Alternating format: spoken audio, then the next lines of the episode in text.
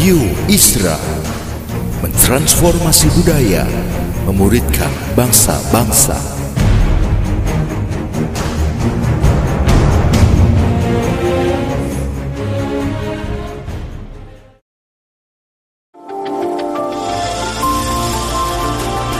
Voice of Pradaim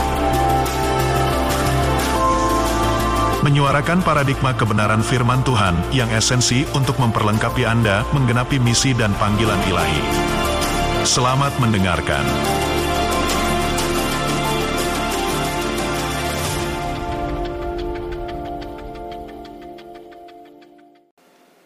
Mengajar hal yang simple, yaitu sebetulnya lebih kepada totally surrender, berserah total. Katakan berserah total Bapak Ibu.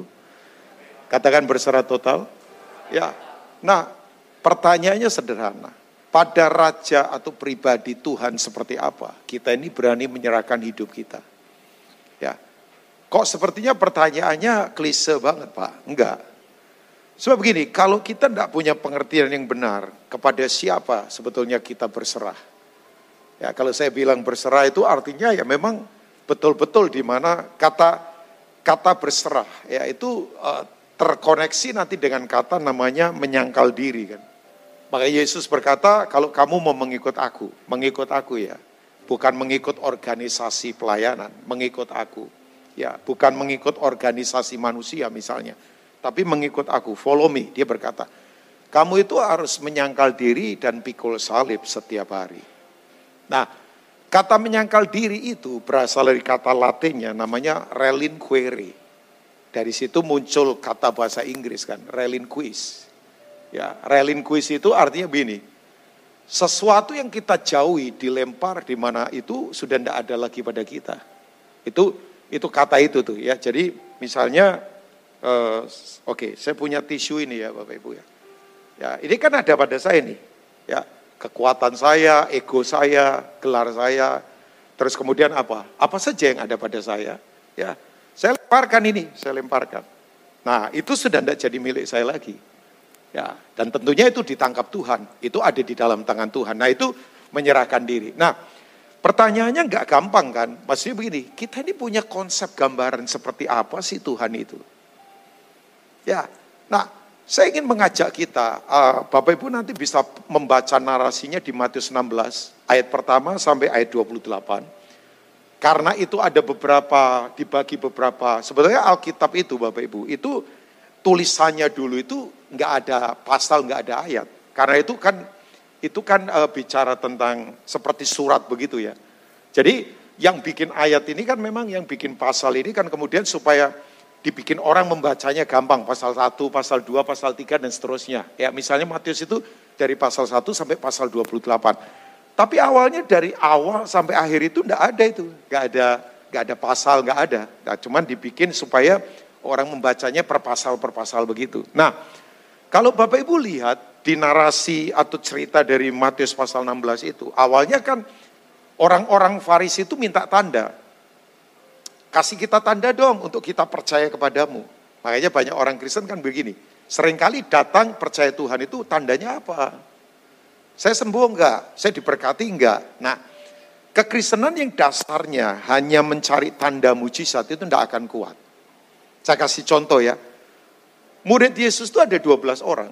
Dan mereka tiga setengah tahun bersama Yesus. Ngalami mujizat, lihat mujizat dekat dengan sumber mujizat. Tapi ternyata satu orang berkhianat. Namanya adalah Yudas Iskariot. Terus yang luar biasa lagi, yang bertahan di salib Yesus itu, waktu Yesus disiksa sampai mati, beladi, berdarah-darah. Hanya satu orang saja, namanya Yohanes. Ya kan? Yang sepuluh orang lari semua. Itu Petrus yang berkata, aku mau mati bersamamu. Itu lari itu. Bahkan yang menyedihkan, ya buat saya sih tamparan. Yang berani di situ tuh wanita-wanita. Loh, harusnya kan mereka temenin gurunya dong. Cuman kan masa mau enaknya saja. Ngalami mujizat, ngalami berkat. Tapi begitu ada apa-apa lari semua coba Bapak. Tidak, coba renungkan Bapak. Makanya saya beritahu ya, kalau kekristenan kita dasarnya hanya mujizat, berkat. Oh, saya percaya mujizat. Mujizat itu fasilitas buat orang percaya. Ya, Pak Rubin ngalami mujizat? Ngalami dong. Tapi saya tidak mau membangun iman saya di atas dasar mujizat. Karena Tuhan itu lebih suka memberka, uh, memimpin kita itu lewat jalur berkat daripada jalur mujizat. Ya kan? Tuhan lebih lebih mau menuntun kita itu lewat berkat. Berkat itu apa? Berkat itu kemampuan ilahi yang tidak terbatas. Untuk kita itu begini, maksimal menerima, maksimal mengelola, maksimal memberi. Ciri orang diberkati itu semuanya maksimal. Maksimal menerima, kerjanya maksimal maksimal mengelola. Ya, pengelolaannya maksimal, tidak lebih besar pasak daripada tiang. Ciri orang yang lebih besar dari pasak daripada tiang begini, ngutang-ngutang untuk gaya hidup. Oh iya ya, makanya banyak orang Kristen saya suka bercanda, mahir tengking setan, tapi tidak bisa tengking kartu kredit. Oh iya ya, oh ya, saya ketemu beberapa orang perlente-perlente ternyata ngutang. Ya, dikejar-kejar debt collector, kan gak enak banget itu. Itu nama Tuhan kan dipermalukan. Saya tidak mau sih. Saya pilih tetap lebih sederhana. Ya memang saya juga nggak punya apa-apa kan. Artinya enggak lah. Maksudnya mau apa kita coba? Ya di era flexing begini coba bayangkan. Orang marketing semua, wui. Ya tontonlah uh, podcastnya Renal Kasali bagus itu. Prof Renal Kasali. Ternyata berita sekarang mengejutkan semua kan. Bahwa semua yang perlente-perlente begitu sekarang ya beberapa ketangkep.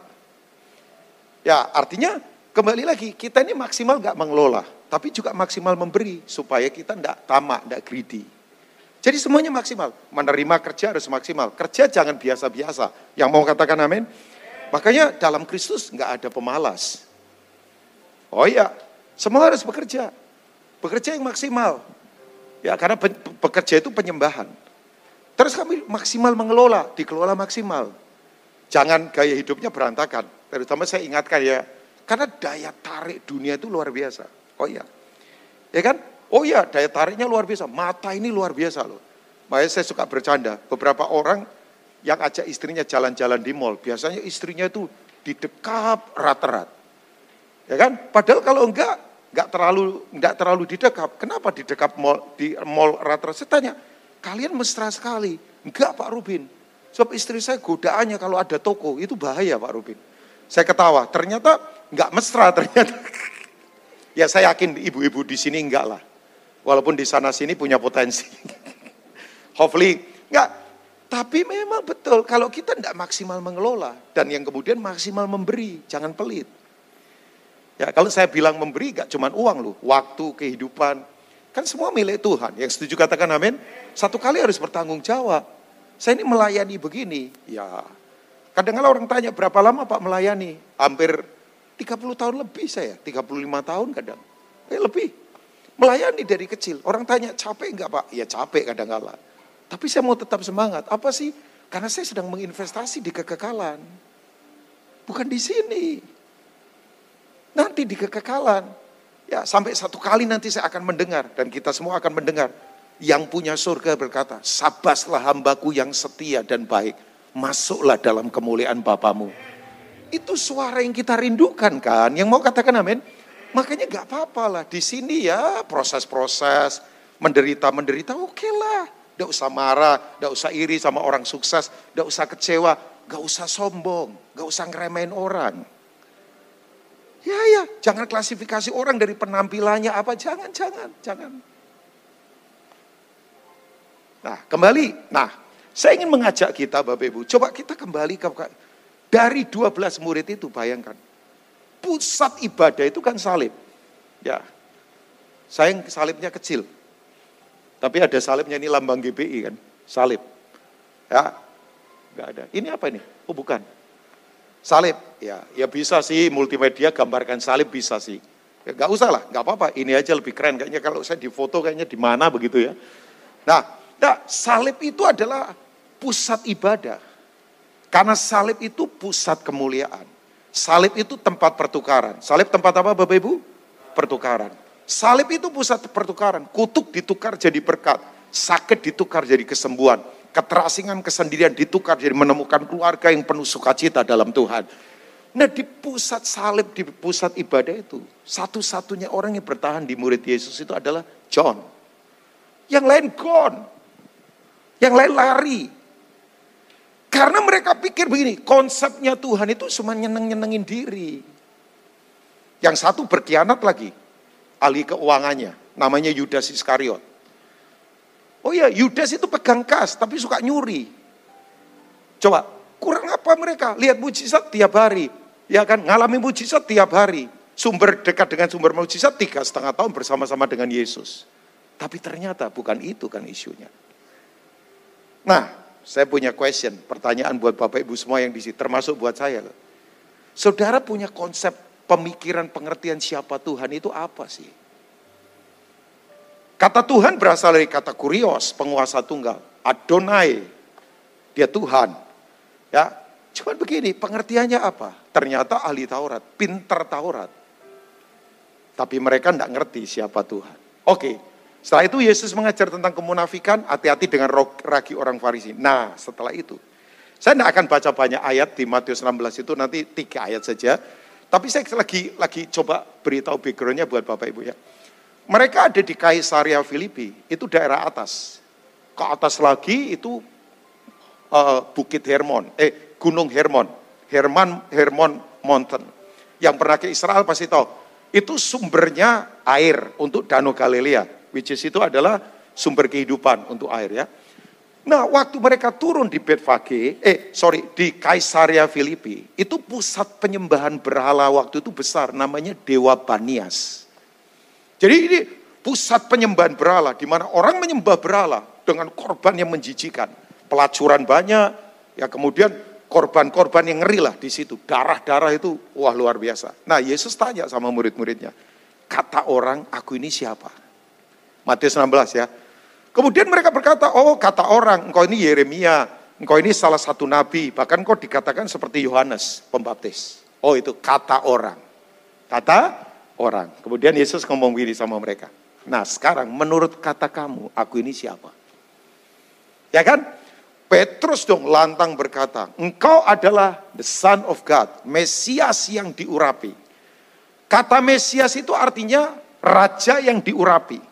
Ya, raja yang diurapi. Nah, Mesias itu tidak hanya menunjuk pada Yesus sebetulnya. Di perjanjian lama ada beberapa orang yang sebetulnya itu tuh dianggap seperti Mesias dalam tanda petik ya.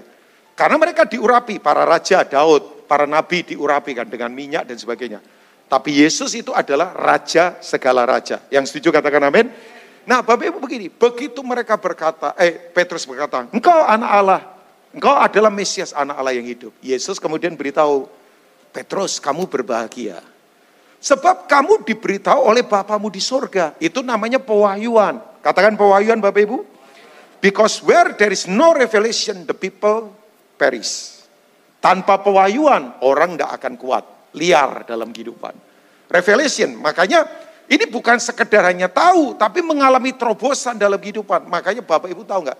Ada orang, saya tadi ibadah, ibadah pertama beritahu, banyak orang mengalami khotbah, tapi ternyata ya cuma tahu khotbah, ta tahu saja. Begitu kemudian menghadapi kenyataan kehidupan pada berkelimpangan. Makanya sekarang saya beritahu ya, orang sakit mental sekarang jauh lebih banyak daripada yang sakit fisik.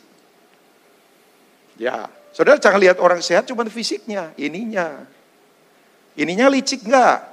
Ininya stresan enggak? Ada orang perlentai-perlentai ditekan satu titik kelimpungan. Karena masalahnya ini. Oh iya iya iya. Bapak Ibu pertempuran kita yang paling luar biasa di sini loh.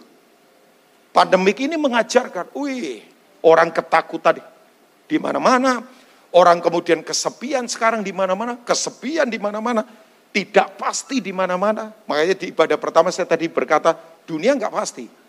Perdagangan nggak pasti, bisnis nggak pasti, kawasan nggak pasti, keamanan nggak pasti. Tapi saya beritahu buat Bapak Ibu semua, ini dia. Kita hari ini di tempat ini karena kita menyembah Tuhan yang membuat kepastian yang pasti di tengah situasi yang tidak pasti. Dia punya kepastian yang pasti-pasti. Kita ini punya Tuhan yang punya kepastian yang pasti di tengah situasi yang tidak pasti. Saya mungkin berpikir dari pengusaha-pengusaha di sini, orang-orang di sini, mungkin berapa puluh persen pada goncang semua. Saya mungkin berpikir. Saya nggak tahu Bapak Ibu, kalau kita jujur ya. Semua goncang di mana-mana. Dan apakah keadaan ke depan akan makin baik? Enggak lah. Alkitab sudah katakan kok, langit dan bumi pasti berlalu.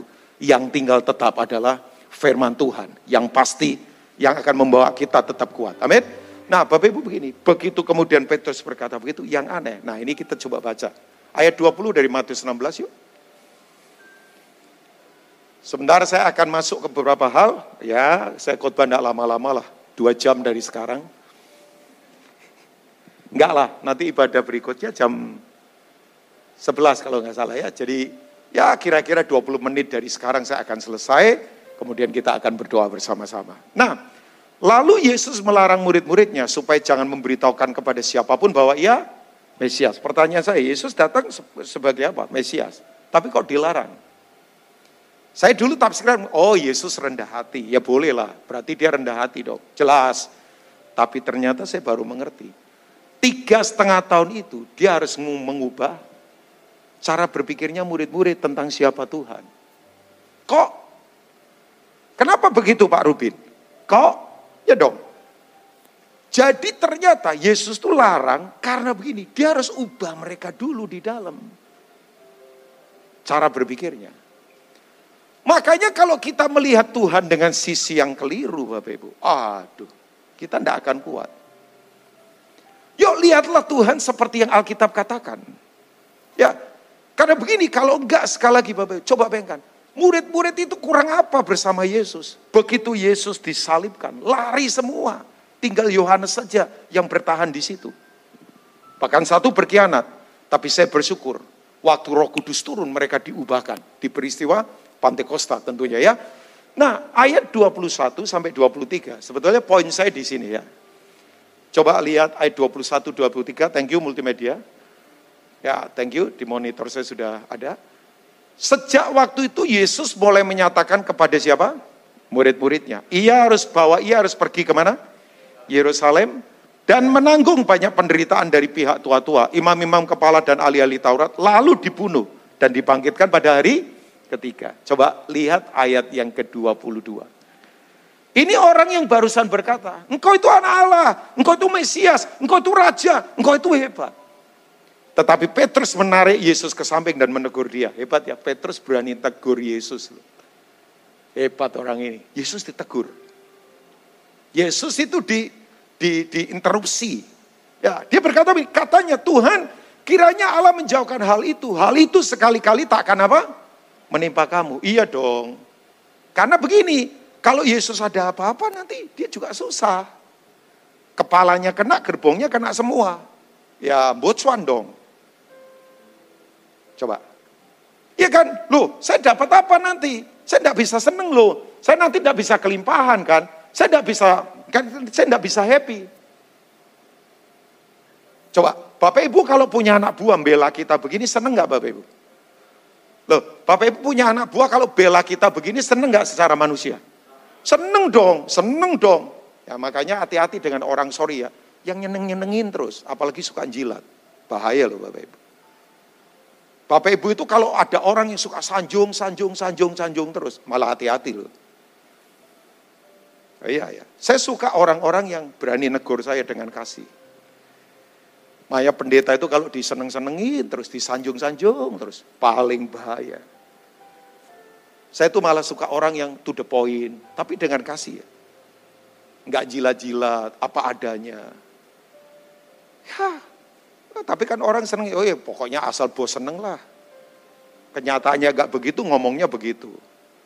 Kenyataannya begitu, ngomongnya tidak begitu. Wah, tapi tahu nggak Bapak Ibu, saya kaget loh. Ini kata-kata keras yang Yesus muncul dari mulutnya dia. Ayat 23.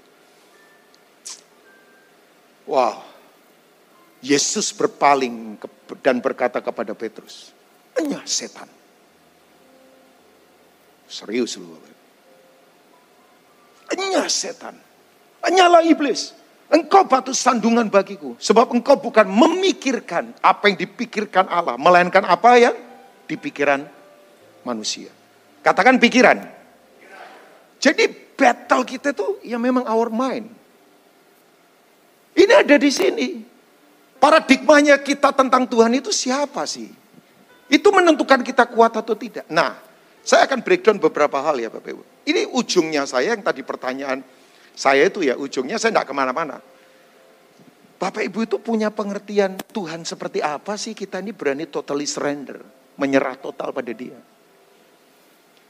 Ya, nah ternyata tiga setengah tahun Yesus tuh melarang murid-muridnya tuh bicara. Maksudnya, kenapa dia larang? Kamu jangan ngomong siapa pun aku Mesias. Dulu saya tafsiran saya, oh Yesus rendah hati. Ya betul lah, nggak salah itu. Tapi sekarang saya baru nge. Sekian tahun itu harus mengubah mereka dari dalam. Nah yang pertama Bapak Ibu. Kita itu kalau pola pikir kita tentang dia tidak seperti pola pikirnya dia. Kita kecewa. Kok Pak Rubin? Ya, saya ngomong kata kok itu berarti bertanya kan. Kok? Kok begitu? Saya juga bertanya kok begitu ya? Bapak Ibu tahu nggak? Mesias itu buat orang Yahudi konsepnya tidak seperti dia. Loh, masa Mesias kok masuk? Kan setelah dari Kaisaria itu Yesus turun ke Betfage. Di Yerusalem, wilayah Yudea. Itu daerah Yerusalem kan. Betania, Yerusalem, daerah situ tuh. Nah waktu dia turun Bapak Ibu, dia tuh naik keledai. Keledainya pinjaman lagi, alasnya seadanya. Buat orang Israel, Mesias yang dinubuatkan itu tidak begitu. Mereka tuh berharap begini, Yesus itu sebagai Mesias mengembalikan kejayaannya Israel seperti eranya Salomo dan Daud di mana uangnya banyak, pasukannya hebat, istananya megah, taklukan seluruh dunia secara materi. Mereka pengennya begitu. Jadi itu mereka itu pengennya begini.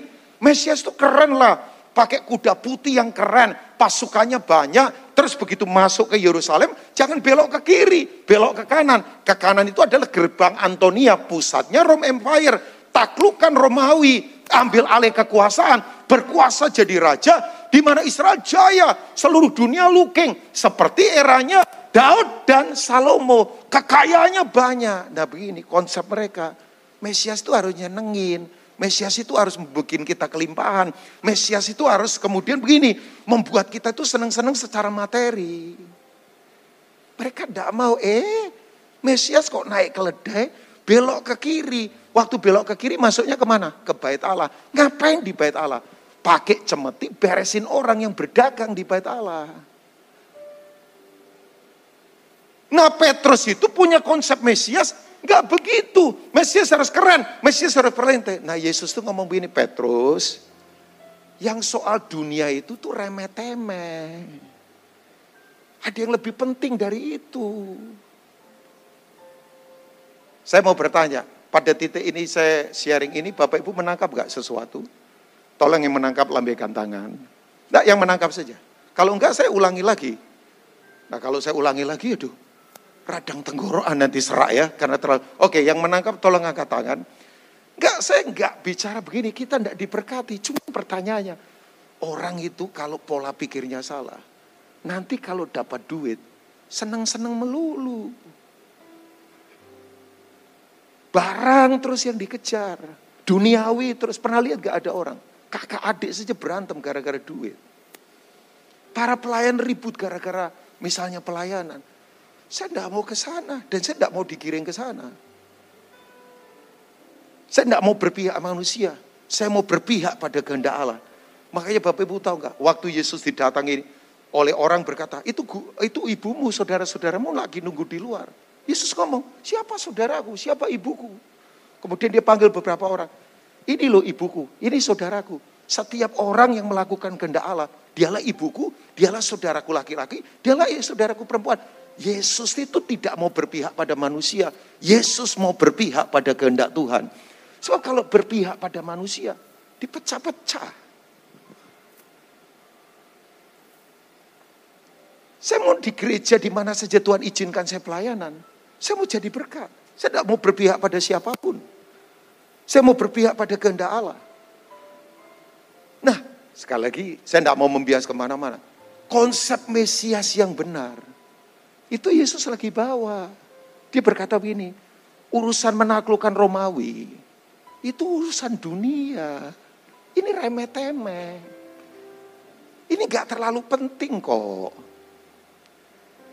Ya, mereka pikirnya kan Yesus harus take over Rome Empire, Yesus harus tegakkan kekuasaan, Yesus harus kembalikan kejayaan. Padahal bukan itu. Ada isu yang luar biasa, yaitu begini. Kamu itu harus beres di dalam. Perbudakan sesungguhnya bukan di luar.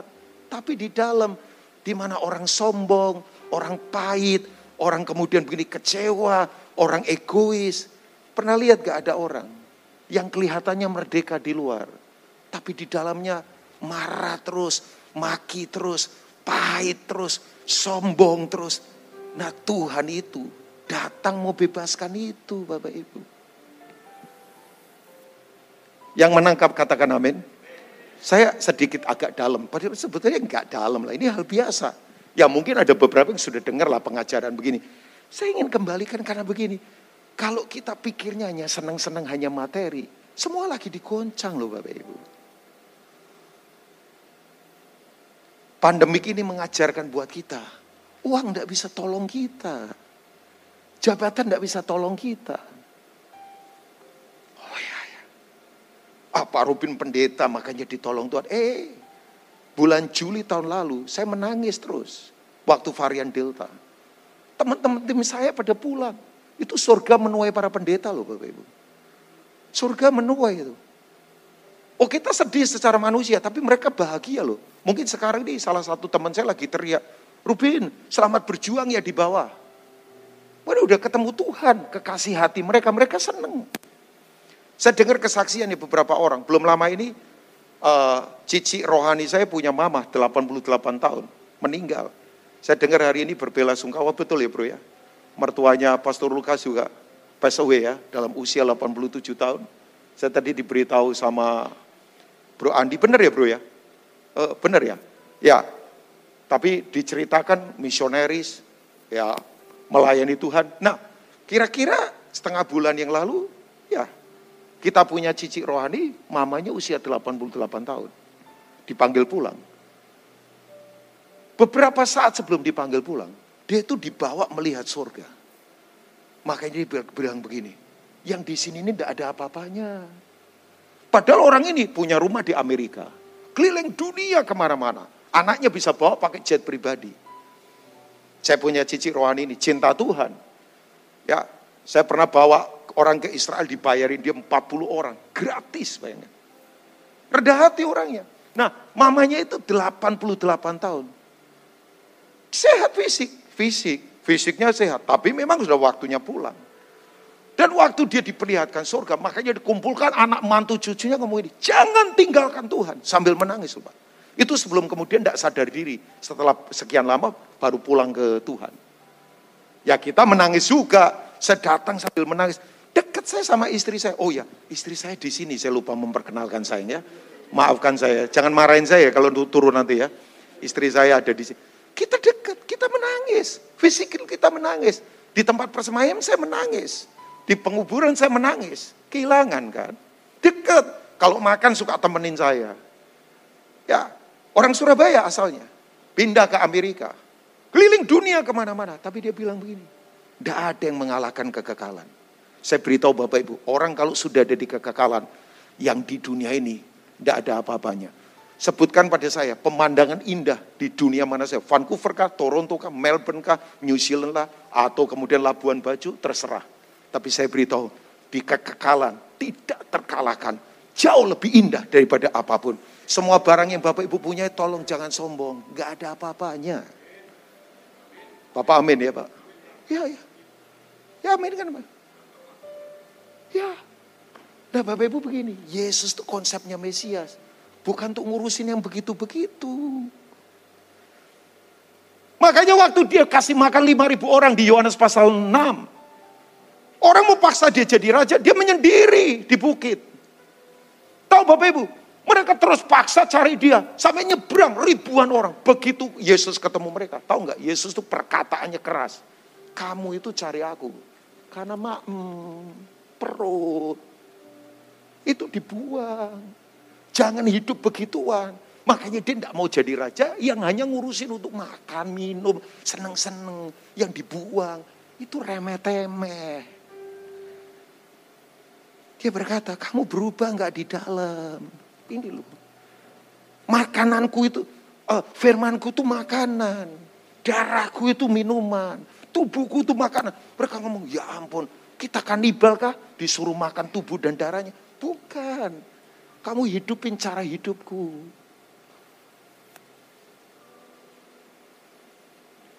Nah sorry ya, kekristenan kalau tidak kembali ke sini Bapak Ibu.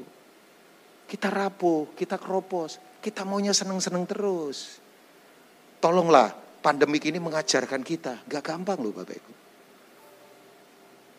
Saya bersama Bapak Ibu yang sedang duduk sekarang lagi berat. Yang lagi pukul dadanya dan berkata, Tuhan tolong aku. Ah, Pastor Rupin ngajarin orang pesimis hari. Enggak. Percayalah, orang benar tidak mungkin ditinggal Tuhan. Orang benar pasti diberkati.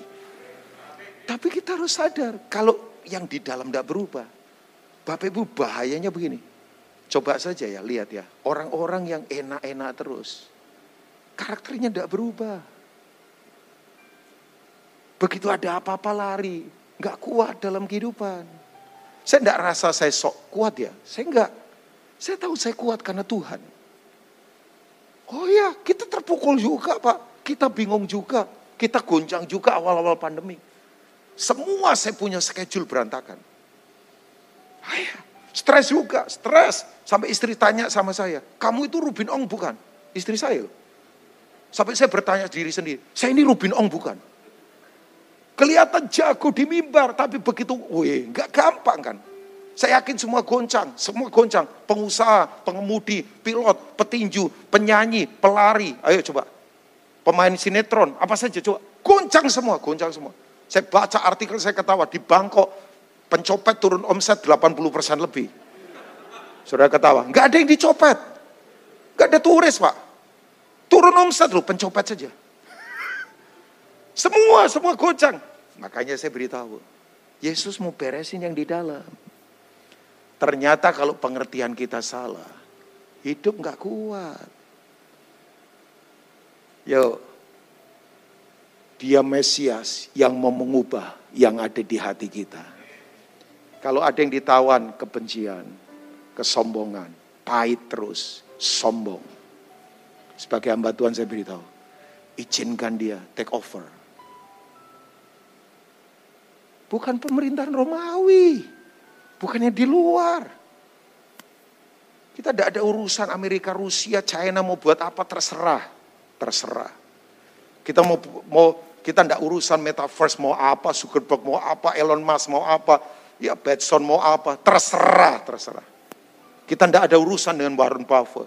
Kita tidak ada urusan dengan orang-orang yang coba mau kendalikan-kendalikan dunia secara lahiriah. Terserah, terserah.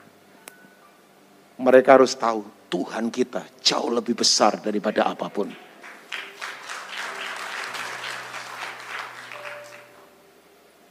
Saudara mau mengerti ini? Saya akan selesai. Saya masih punya waktu sedikit lagi. Boleh bro ya? Bro? Bro dia akan juga kan maksudnya? Soalnya seragamnya sama. Sebab bro Andi nggak tahu lagi ya, mungkin ada urusan. Ya, saya mau tanya begini, kosong kursinya kosong soalnya ya. Jadi Ya. Jadi bro saya tanya ini bro. Maafkan saya lo ya. Jangan marah nanti saya turun ya. Oke. Okay. Oke, okay. saudara mau tetap berserah total pada raja yang kita mengerti dalam kehidupan. Minta saudara begini, roh kudus terobosi kita. Toh orang-orang yang hebat-hebat kayak Petrus saja lari.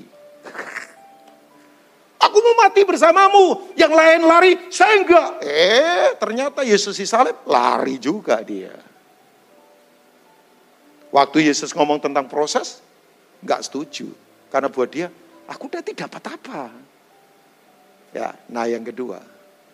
Sudah mau berserah pada raja yang luar biasa? Sudah mau berserah pada raja yang kita punya luar biasa? Saya beritahu buat Bapak Ibu. Yang prinsip kedua begini, kita ini tidak bisa kendalikan apa pun dalam kehidupan. Oke, coba lihat ayat yang ke 27 kali ya. Matius 16, uh, eh, thank you multimedia.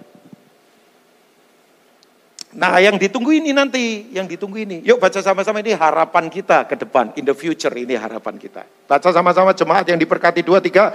Sebab anak manusia akan datang dalam kemuliaan Bapaknya, diiringi malaikat-malaikatnya. Pada waktu itu ia akan membalas setiap orang menurut apa?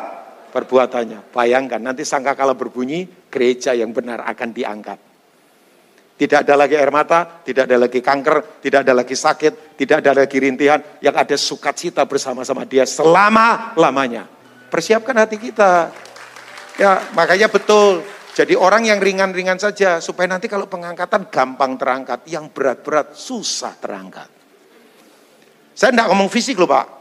Makanya mobil, rumah, udah tidak ditaruh, tidak usah ditaruh di dalam. Yang di dalam Yesus saja. Rumah, deposito, mobil, fasilitas, taruh di luar semua. Nanti kalau pengangkatan, yang ringan-ringan cepat terangkat. Kok tidak tersinggung ini ucapan saya ini? ya kan? Ya, orang Surabaya kalau ngomong kan asiknya belak-belakan lah. Orang Surabaya kan ini. Atau pendatang-pendatang ini. Enggak lah. Orang Jawa Timur Surabaya kan blok belakang saja. Ngomong to the point ya, marah-marah kan. Tapi selesai-selesai kan. Orang Surabaya itu cirinya. Ya kan? Jadi saya hari ini ngomong belak-belakan saya. Ayat 24 sampai 25. Ini challenge kita. Lalu Yesus berkata kepada murid-muridnya, setiap orang, personal, setiap apa? Setiap apa? Pertanyaan saya, saudara orang? Orang. Atau orang-orangan? Nah, itu di sawah itu. Atau nyamar jadi orang? Nah, itu berarti nggak tahu itu. Bisa simpase atau eh simpase, ya nyamar kok. Ya, saya orang nggak ya? Orang. Setiap orang, ya yang mau mengikut aku, ia harus, katakan harus. Harus itu kudu. Kudu itu tidak bisa tidak, harus, harus. Tidak ada yang lain, harus. Menyangkal dirinya memikul salibnya dan apa?